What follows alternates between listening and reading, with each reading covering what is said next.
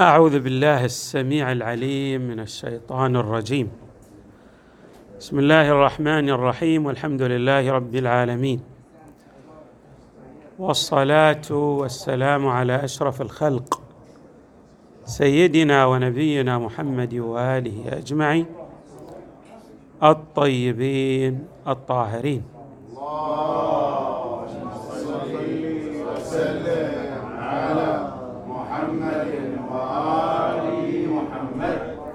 قال الله تعالى في القرآن الكريم لقد كان لقد كان لكم في رسول الله أسوة حسنة لمن كان يرجو الله واليوم الآخر وذكر الله كثيرا.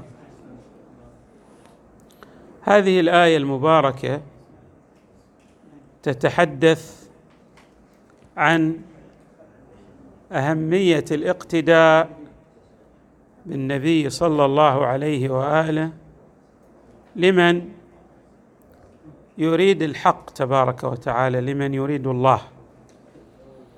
وأيضا لمن يريد أن يتبوأ مكان مرموقة في عالم الآخرة.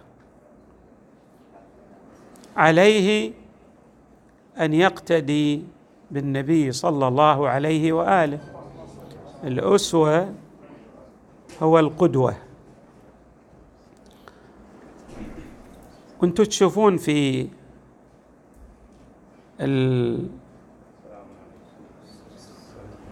الدروس التي تهتم بالتنمية في العصر الحديث تؤكد على أن مسألة التفوق أو الإبداع في أي مجال من المجالات يعتمد على ما يسمى بالنمذجة.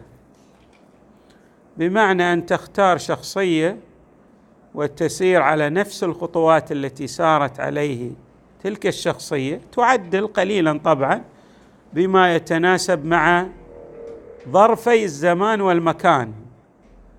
وبالتالي ستصل إلى ما وصلت إليه تلك الشخصية من مكانه. سواء كنت تريد مثلا أن تتقدم في المجال الاقتصادي أو المجال العلمي أو المجال الاجتماعي عليك أن تخطو الخطوات التي تقدمت فيها تلك الشخصية وستصل إلى ما وصل إليه غيرك ويمكن أن تتقدم على غيرك لأنك قد تطلع على أمور لم يصل إليها غيرك. هذا المطلب أيضا القرآن يطرحه بمعنى أن من يريد أن يتبوأ مكانه في عالم الآخرة عليه أن يسير على نفس مسار النبي صلى الله عليه وآله وسيصل إلى مكانه مرموقة يتبوأ مكانه كبيرة في عالم الآخرة. ولذلك الآية لكن بشرط أن يكون راج لله. يعني يرجو الله أن يوفقه في خطواته وأيضا يبتغي بذلك أن يصل كما قلنا إلى المكانة الكبيرة والعظيمة في الدار الآخرة. يعني يريد أن يتبوأ مكانه في دار الآخرة. طيب. الآن نريد أن نتعرف على بعض الخصائص لرسول الله كي نجسد هذه الخصائص في شخصياتنا. لأن الاقتداء هو التجسيد العملي لتلكم الخصائص التي آه، جسدها النبي طبقها في عالم الواقع. من يتحدث عن النبي صلى الله عليه وآله؟ القرآن تحدث عن النبي صلى الله عليه وأيضا الإمام أمير المؤمنين عليه السلام وهو القرآن الناطق تحدث عن النبي صلى الله عليه وآله. يمكن يعني سمعتم كثيرا عن حديث القرآن عن النبي صلى الله عليه وآله. اليوم نريد أن نسمع عن أوصاف أمير المؤمنين لرسول الله لنتمثل هذه الأوصاف أو لنطبق هذه الأوصاف في شخصياتنا. الإمام أمير المؤمنين إذا أراد أن يتحدث عن رسول الله هو اولا هو نفس النبي صلى الله عليه وآله لأن القرآن يتحدث عن أمير المؤمنين ويقول هو نفس النبي صلى الله عليه واله أيضا الإمام أمير المؤمنين هو أصدق الناس لهجة. يعني هو يقول فما وجد لي كذبة قط. يعني النبي ما رأى عليا يعني قال خلاف الواقع. بالإضافة إحنا في معتقدنا أن النبي أن الإمام أمير المؤمنين عليه السلام همزة الوصل بين الخلق والحق. لكن نتحدث بشكل يعني آه، يتناسب مع الجانب العقدي الذي نؤمن به نحن كأتباع لأهل البيت. وأيضا آه، يؤمن به غيرنا أن الإمام أن الإمام أمير المؤمنين إذا تحدث عن شيء فلا يمكن أن يعني أن يلحقه أحد في أوصافه لذلك الشيء لأن الإمام عليه السلام اولا له الثاقبية في الرأي. والأمر الثاني هو أبلغ الناس في المنطق. لا يوجد أحد أبلغ من أمير المؤمنين إلا النبي صلى الله عليه وآله. أما غيره فهو أدنى منه بلا إشكال. وهذا لا نقوله نحن الكل يعترف بذلك لأن خطب خطب أمير المؤمنين عليه السلام تتحدث عن بلاغته. أما نحن طبعا نقول أن الإمام عليه السلام في معتقدنا لا يقول إلا الحق. النبي أيضا تحدث عن ذلك علي مع الحق والحق مع علي يدور معه حيثما دار. فاذا في هذا اليوم في ميلاد النبي صلى الله عليه وآله نريد أن نتعرف على أوصاف النبي من لسان نفس النبي من لسان أمير المؤمنين الذي هو نفس النبي بمنطق القرآن. يقول علي عليه السلام كان دائم البشر. الوصف الأول انه يعني ما تشوفه لا تراه عابسا دائما مبتسما. طيب شو يمثل هذا؟ يمثل جانب مهم في شخصية الإنسان. عندما تلقى إنسان طلق المحيا أو انسانا عبوسا قمطريرا يختلف الحال. تجد الانفتاح تجاه شخصية الشخصية التي دائمة البشر يعني طلقة المحيا تجد اقبالا آه، في نفسك على تلك الشخصية. وهذا سر يراه جميع الناس الإنسان اللي تراه يعني عنده بسمة وانشراح يعني يعطيك حيوية. وعكسه الإنسان ماذا؟ العبوس. شوف حتى إذا عندك شيء من الحيوية تكاد أن تموت عندما تلتقي وإياه. يعني كأنه يكتم أنفاسك. هذا جانب جد هام. الجانب الثاني هذا الوصف الأول أن النبي صلى الله عليه وسلم دائم البشر يقول مو بيوم مو والله تشوفه بلحظة مثلا هذا طبيعته هو ماذا؟ ابتسم لأنه يتلقى الأشياء بنحو من الانشراح والطمأنينة واللين. سهل ماذا؟ الخلق. عنده سهولة في أخلاقه التطبيقية. السهولة خلاف ال يعني اليسر خلاف العسر. سهل. ما عنده تكلف. وهذا منطق الأنبياء. تشوفون وما أنا من المتكلفين. بعض الناس دائما عنده كلفة في كل أموره. النبي يقول عنده سهولة ويسر في كل أموره. عكس ما يتصور بعض الناس. انه يشوف هذه التزمت والشدة هي التي تنفعه. وحتى بعض الناس يظن إن هذا هو الدين بينما هو الدين يعاكس ذلك تماما. كما الآن نشوف سهل الخلق. بعد لين الجانب عند ليونه في عريكته. وهذا بعد القرآن تحدث عن ليونة النبي صلى الله عليه وآله. في آية من الآيات. قال القرآن نعم. الآية التي تقول ولو كنت فظا غليظ القلب لانفضوا من حولك فاعف عنهم. يعني لو كان ما عندك الليونة والبشر في المحيا لانقلب الناس عنك وابتعدوا. لأن من طبيعة الناس يحبون ماذا؟ الإنسان اللين. ليس بفظ لين الجانب ليس بفظ هذا واضح. يعني كأنه يشرح معنى الليونه انه ما في غلظة في تعامله مع غيره. ليس بفظ ولا غليظ. ما في شدة. ولا صخاب. إيش معنى الصخاب؟ يعني اللي إحنا نعبر عنه في العصر الحديث انه يرى الأشياء بنظرة سوداوية. حتى الأشياء الإيجابية يعبر عنها بتعبير سلبي يعني كانه ما يرى في الحياة إلا الأمور السلبية.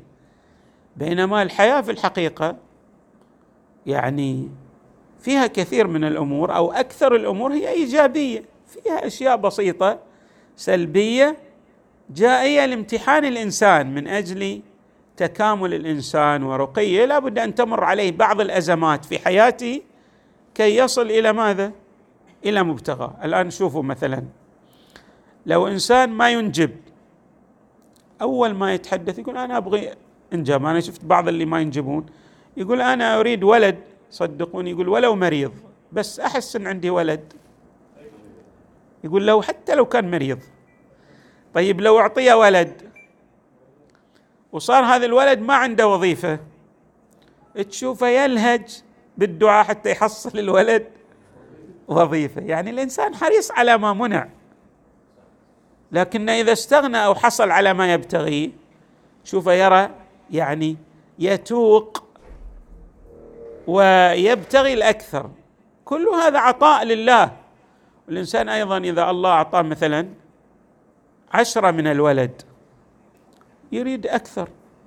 لأن هذه كل طبيعة الإنسان هو يريد أكثر. وحتى إذا وفق وفق الله أولاده يريد لهم توفيقا أكثر. طبيعة الإنسان هكذا يعني في الحياة. وبعضهم يسأم إذا ما حصل على ما يبتغيه. سخاب يعني تشوفه موفق في كثير من الأمور. عنده بعض الابتلاءات البسيطة. لكن يرى الدنيا بعين سوداء لأنه ابتلي ببعض الابتلاءات البسيطة. خلينا نشوف النبي صلى الله عليه وسلم. النبي الله ابتلاه بابتلاءات كثيرة لكن دائما دائم البشر كما يتحدث. يعني مثلا الله أمات أولاد النبي. ما عنده أولاد. لكن هل رأيتم النبي؟ كان يعني بكى في فترة فترة بسيطة جدا والأمور ما يعني آه مشت مثل ما نقول بنحو من الانسيابية. خلاص الله ابتلى بأن لا يكون له من الأولاد شيء تقبل القضاء والقدر الإلهي وهو أفضل الخلق. وطبعا جعلت له الذرية في نسل علي عليه السلام. قال ذرية كل نبي من صلبه إلا ذريتي في علي عليه السلام.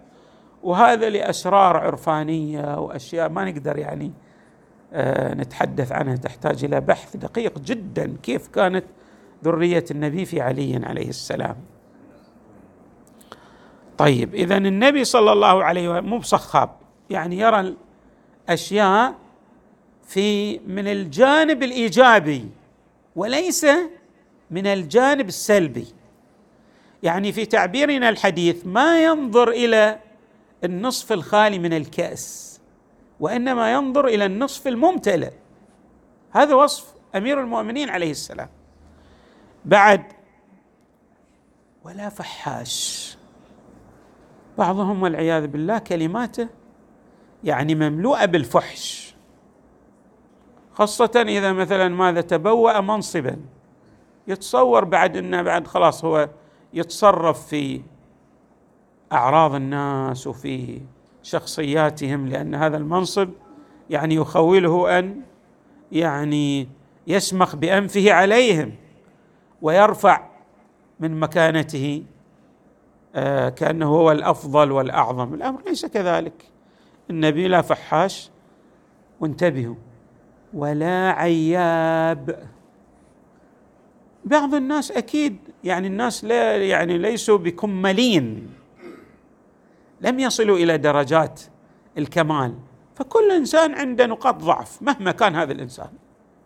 وحتى الله خلى الأنبياء رغم عظمتهم يصابون ببعض الأمراض وبعضهم خلاه فقير وبعضهم خلاه حتى يصير ماذا؟ لنا عبرة.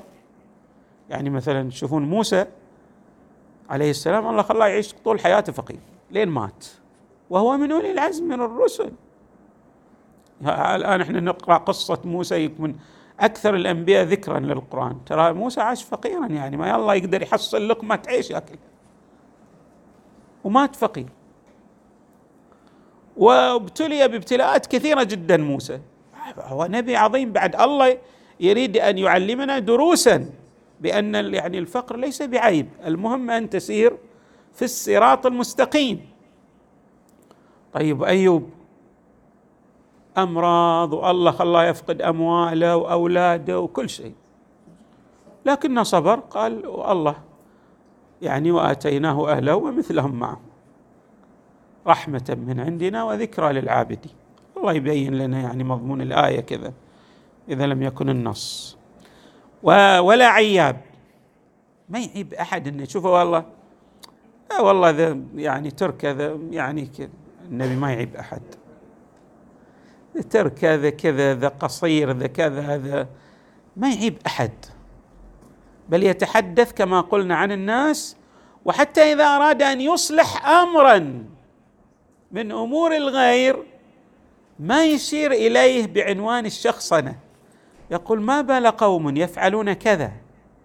يعني يذم لكن لا يوجه الذم إلى شخصية ذلك الشخص حتى لا يكسر من شخصيته يحافظ على شخصيته. طيب. ولا مداح. بعضهم يغرق في المدح. يرفع من مستوى قد ما فيك هالأوصاف. يوصلك إلى ماذا؟ السماء. هذا هم غلط. لا بأس أن تثني على الغير. والله تبارك وتعالى عودنا على ذلك. ولا تبخسوا الناس أشياءهم. إذا حتى إذا واحد تختلف وياه مثلا واحد تختلف وياه هو لا يشتهيك ولكنه كريم. تجي تقول له والله هذا بخيل لأنك أنت تختلف وياه. هذا من الظلم. لا ليس من من العدل أن تجي تذمه بما ليس فيه لأنك أنت يعني لا ترتاح إليه. هذا من يعني من الظلم. النبي ما يمدح الإنسان فوق يعني لا يعطيه فوق حقه ولا يبخسه حقه. هذا من الأهمية بمكان أن تكون عندك ميزان دقيق جدا تثني على الغير تمدح الغير والثناء على الغير جد هام. خصوصا على الأولاد في المجال التربوي. هذا يمكن أنا أسميه يعني شو أسميه؟ سموه يعني الوقود الذي لا ينضب. يعني الوقود النووي هذا. إذا تبغي أو لا تريد لأولادك أن يتقدموا في مجالات الحياة دائما أثني على الجانب الإيجابي من شخصياتهم. لكن لا تغرق في المدح. توصل بعد فوق السماء وهو ما يستحق. لا لا أنت والله زين ممتاز وكذا. وقلل من ذمك للجانب السلبي. أشر إليه إشارات عابرة حتى هو من خلال يعني إضفاء هالة على الجانب الإيجابي راح يقل الجانب السلبي بشكل يعني آه طبيعي. طيب. يتغافل عما لا يشتهي. الاشياء اللي ما يشتهي ما يقول لك والله أنا ترى ذاك الشيء أنا ما احبه ولا أشتهي ولا كذا لا يسوي روحه غافل. وهذا طبعا هذا في سر. خاصة في تعامل الإنسان مثلا مع زوجته ومع أبنائه ومع أصدقائه. يعني الناس يختلفون في سلائقهم وفي قدراتهم وفي ثقافاتهم فلما كل شيء أنت ما تشتهيه تقعد مثلا تذمه وتبدي المساوئ له.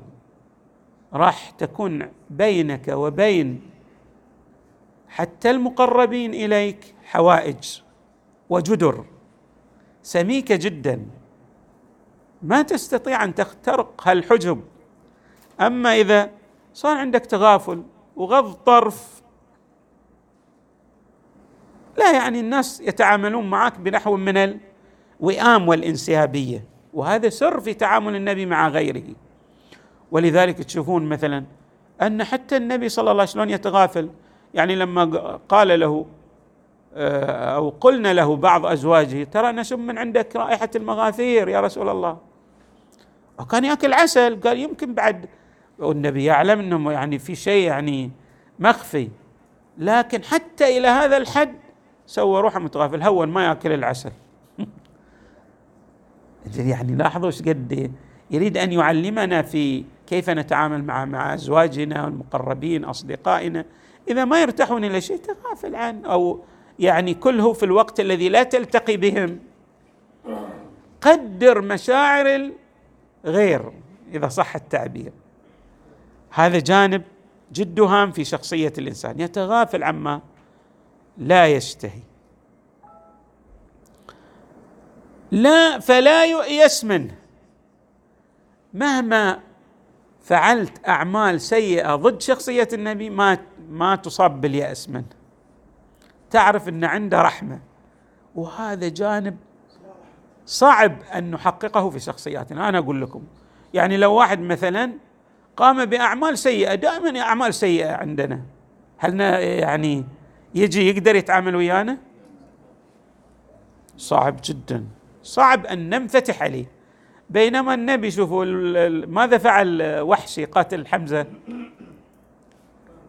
فعل أشياء كثيرة جدا وغير وحشي. وجاء قالوا له يا رسول الله إحنا ترى تبنا وصرنا زينين. وبعضهم باصطلاحنا يكذب. والنبي يعلم إنه يكذب. ولكن يفتح له صفحة جديدة يعلمنا أن إحنا مهما بلغ الغير في السوء لابد أن ندع مجالا للرحمة. لأن هذا الله تبع إحنا الآن نتعامل مع الله. كم مرة نذنب؟ كم مرة نقصر؟ ومع ذلك نرجع إلى الله. قل له يا الله جئناك تائبين جئناك مستغفرين. والله يقول لنا لا أنتم والله كذبتوا في المرة الأولى. استغفرتوا ورجعتوا إلى الذنب. يقول خلاص أنت جيت خلاص. بل يمدح اللي يؤوب نعم العبد إنه أواب يعني كثير الرجوع إلى الله هذا ممدوح عند الله تبارك وتعالى. فاذا يكون نتعلم من أوصاف النبي. لا. لا ييأس منها فلا ييأس منه أحد. شلون أنت ما تيأس من رحمة الله؟ أيضا ما تيأس في تعاملك مع النبي. مهما أسأت إلى النبي تأتي إلى النبي ما يعني تشوف النبي صلى الله عليه وآله. يفتح لك صفحة جديدة. طبعا هذا عظمة. مو, مو كل إنسان يقدر يسوي كذا. يعني الآن إحنا طلبة علم ونقرأ هذا وواحد يختلف ويانا. يمكن مو بالاختلافات الإساءات التي جاءت إلى النبي. النبي يقول ما أوذي نبي؟ بمثل ما أوذيت. إحنا إذاءات بسيطة جدا وتشوف ما نقدر ننام. النبي ايذاءات عظيمة جدا. جدا يعني في بعض الأشياء يعني من الإيذاء للنبي صلى الله عليه وآله يعني لا يقال في الخارج لا يقال يعني. ما تقدر تبين. يعني الأحسن أن لا يبين. لأنه يتعجب الناس كيف يعني أذي النبي بهذا الإيذاء. هذا اللي, اللي أنتم تسمعون هذا بعض من إيذاء النبي صلى الله عليه الطاهر ومع ذلك النبي ما في مشكلة. وحتى القرآن يعني بين بعضهم يقول هو أذن.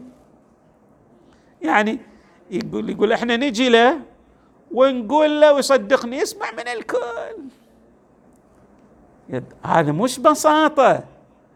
لكن طبيعة النبي لأنه يجسد الرحمة المهداة للخلق يجسد رحمة الله. مثل نحن الآن كما قلنا نسيء ونرجع إلى الله ونقول يا الله إحنا جئناك تائبين. اغفر لنا الله يغفر لنا. لأن الله يريد أن يرحمنا. هكذا ينبغي أيضا للمؤمن أن يجسد رحمة الحق تعالى في تعامله مع الخلق مع الخلق لأن طبيعة الخلق يخطئون. فإذا تتعامل وإياهم بنحو من الحدية ما راح تنجح. سر النجاح أن تغض الطرف. تعفو وتعطي يعني لغيرك مجال مرة مرتين ثلاث وعشر. ما في مشكلة يعني. لأن الإنسان من طبيعته أن يخطأ. وأنت ماذا؟ يعني تضفي عليه جانبا من الرحمة. طيب. ولا يخيب فيه مؤملي. طلبة طلبة يقول لك. أنتم شوفوا سفانة. سفانة لما يعني طبعا سفانة تعرفون يعني قصة طويلة جدا اللي هي أخت عدي ابن حاتم. وطبعا هذه سفانة كانت شخصية عظيمة ويكفي الخطبة التي ألقتها. بس لما راحت إلى عدي يعني تفاجأت من أخلاق النبي صلى الله عليه وسلم. قالت حق عدي اللي هرب.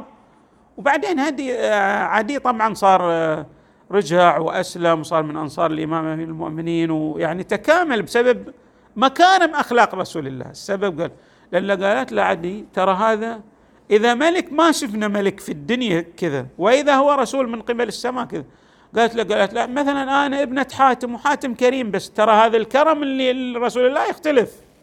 قال لها شلون؟ قالت له هذا يعطي عطاء من لا يخشى الفقر. حتى في كرمه يختلف. يعني كالريح المرسلة. ما عنده شيء. اسمه كذا. يقول أنا خلاص أنا يعتمد على الله. فقال لها قالت له هي طبعا قالت له أنا ابنتي يعني شخصية كذا يقري الضيف آه، يفك الأسير يرحم يسوي كذا كذا. والنبي صلى الله عليه وآله يعني تجاوب وإياه وقال لها يلا كل الجميع هذا ممن جاوا أسراء كلهم يعني بخطبتش هذه مثل ما نقول يعني عفونا عن الجميع. ناس محاربين ويمكن قتلوا ناس والنبي عفى عنهم لكن عفو النبي ماذا جر؟ إن جميع آه، قبيله طي أسلموا بمكارم أخلاقه صلى الله عليه وآله فإحنا لما يصف الإمام وأمير المؤمنين عليه السلام هذه الأوصاف يعني حري بنا أن نجسد أوصاف النبي على سلوكنا. بعد آه ولا يخيب فيه مؤملي قد ترك نفسه من ثلاث. ثلاث ما يسويه ثلاث يعني أمور من الأمور السيئة لا يفعلها النبي صلى الله عليه وسلم. المراء المراء هو الجدل. بعض الناس دائما تشوفه يعني دائما يريد يثبت احقيه نفسه. لا حتى لو كنت على الحق. حري بك حتى روايات تحض الإنسان على أنه يترك المراء ولو كان محقا. حتى لو كنت محق اترك المراء. يعني لا تجادل خلاص واحد بينت له الحق مرة مرتين ثلاث مرات وترى أن ماذا؟ يعني هذا يتعالى على الحق بعد. ما عندك شاره مثل ما يقول العراقيون آه ما في عندك طريق. إيش بتسوي؟ خله دعه. الزمان هو أستاذ للكل يعطيه درس ويرعوي إلى الحق وإذا ظل على الباطل بعد أنت ما تقدر توصل الناس جميع الناس ما تستطيع أن توصل الجميع إلى الحق بالتأكيد. اذا اولا المراء. المراء والإكثار من الأمور دائما عنده اعتدال وقصد في أموره ما عنده سرف. بعد وما لا يعني في أشياء ما تخصني أنا. بعد ليش أدخل نفسي فيها؟ هذه من الحكمة. أمور لا تخت يعني ليست من شأنك لا تعنيك. لماذا تدخل أنفك فيها؟ النبي ما يسوي. الأشياء التي يعني ليس له دخل فيها يبعد نفسه عنها. هذه من الحكمة العملية. وترك الناس من ثلاث. كان لا يذم أحدا. ما يبدي ما يبين الجوانب السلبية في شخصيات الغير. يعني يحاول قدر الإمكان أن يبين الجانب الإيجابي. نعم في بعض الأحيان يعني قد النبي يمزح أو يمازح بعض الناس. مثلا جاءته عجوز كبيرة السن فقال إن إن الجنة لا تدخلها عجوز. فتعجبت ذيك العجوز؟ قالت يا رسول الله زي شلون أنا؟ يعني معناه في جهنم؟ قال لا, ملل ملل يعني. قال لا الله يعيدك يعني إلى شبابك فتدخلين الجنة إن شاء الله. يعني عنده بعض الطرائف الجميلة مع علي عليه السلام مع الصديقه الزهراء مع ولكنه يعني مثلا لا, لا يفعل يعني مثلا عند آه، يذم الناس أو يبدي لا يذم احدا ولا يعيره. شوف واحد مثلا قال كلمة أو قال ترى حتى عندنا هذا التعيير لا زال إلى اليوم. إلى بكرة. وإذا حفظ عليك كلمة بعد يلاحقك بها لين تموت حتى إلى قبرك. يفكر إن هذا شنو؟ مكسب. وكأنه أوه استعلاء عليك. لا شلون هذا من مساوئ الأخلاق. من مساوئ الأخلاق. ولا يطلب عثرات الغير ولا عوراته. لأن بالتأكيد هناك يعني أناس عندهم جوانب سلبية متعددة. فإذا بتتبع العثرات هذا اولا شيء سيء. وسبحان الله الله جعل اثرا وضعيا. لمن تتبع عثرات غيره. يخلي الناس يتتبعون الجوانب السلبية في شخصيته ويفضحونه. هذا أثر وضعي. أفصحت عنه طائفة من الروايات. ولا يطلب عثراته ولا عورته. ولا يتكلم إلا فيما رجا ثوابه. الاشياء اللي ترجع إليه بالخير؟ لأن النبي مسدد من قبل الله فدائما يطلب الثواب. شوفوا الله سبحانه وتعالى أعطاه هيبة. يتحدث أيضا امام المؤمنين عن هيبته صلى الله عليه وآله. يقول إذا تكلم أطرق جلساؤه كأنما على رؤوسهم الطير.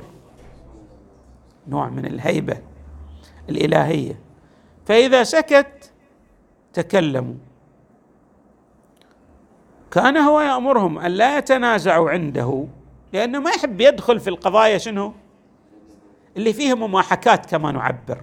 هو لا يريد صلى الله عليه وآله لأنه يجسد مكارم الأخلاق. فأنت دائما إذا دخلت في هذه المماحكات الصغيرة ستجرك إلى التسافل. ويكفينا أيضا قوله تعالى هو أيضا يقول صلى الله عليه وآله. الله يقول أدبني ربي فأحسن تأديبي. بعد ماذا يقول؟ آه، هو يجسد وقل لعبادي يقول التي هي أحسن. الله يقول له قل للناس. دائما إذا واحد عندك التقيت وياه هناك عبارتان عبارة جميلة وعبارة عادية. لا اختر العبارة اللي فيها جمال لأن هذا اولا لا يضرك والأمر الثاني يزيل القتامة لدى غيرك ويفتح قلب غيرك عليك ويقربك منه. حتى إذا كانت بينه وبين آه، كان بينك وبين ذلك الغير شيء من سوء الفهم أو الأوهام التي يعني في ذهن ذلك الغير تزول ببركات العبارات الطيبة. وقل لعبادي يقول التي هي أحسن. وفي آية أخرى وقولوا للناس حسنا بعد هو النبي صلى الله عليه وآله يقول طبيعة المؤمن الحقيقي شو يصير؟ يقول المؤمنون هينون لينون كالجمل الأنوف. إن استنخته أناخ. بعض الجمال أنت تربيها يسميها العرب آه الجمل الأنوف يعني الجمل الطيع اللي آه يتعامل مع صاحبه شنو مثل الآن تعامل الأجهزة بال remote control أنت شلون تتحكم في الجهاز بعض الحيوانات يمكن أسرع من ال remote control يعني تشوفه لاحظت شلون؟ بل هو يسوي لك حتى ما من دون أمر يقول إن إحنا كان عندنا خطيب حسيني من قرية. كان يقرأ في ما أدري هو من أين من أي القرى بس كان يركب على الحمار ويقرأ في بني معن. يقولون الحمار كل يوم يجيب بني معن من دون يتحرك يعني. هذا الكلام واحد حدثني عنه يقول يعني بعض الحيوانات هالكثر من, من يعني من من المرونة والسهولة والطاعة لصاحبها؟ كأنها تأنس بصاحبها ويأنس صاحبها بها. يقول هذا الملا إذا ركب الحمار الحمار يستانس كأنه يعني لاقي ضالته. النبي يقول أيضا هناك بعض من الجمال البعران اللي إحنا نسميهم يعني يربي صاحبه ويصبح هذا الجمل طيع يسمونه الجبل الجمل الأنوف طيع. يقول المؤمن أيضا في سهولته في تعامله مع غيره آه، يمثل هذه الحالة شوف ما عنده ذيك الغلظة سهولة في التعامل. هذه أخلاق النبي صلى الله عليه وآله كما يعني آه، أفصح عنها إمامنا أمير المؤمنين عليه السلام. نسأل الله تبارك وتعالى لنا ولكم أن يجعل المصطفى صلى الله عليه وآله وذريته النجباء صلوات الله وسلامه عليهم أجمعين القدوة والأسوة لنا. لوصولنا إلى مرضاه الله تبارك وتعالى ومجاورة هؤلاء الذين أذهب الله عنهم الرجس وطهرهم تطهيرا. والحمد لله. والحمد لله رب العالمين. صلى الله وسلم وزاد وبارك على محمد وآله الطيبين الطاهرين.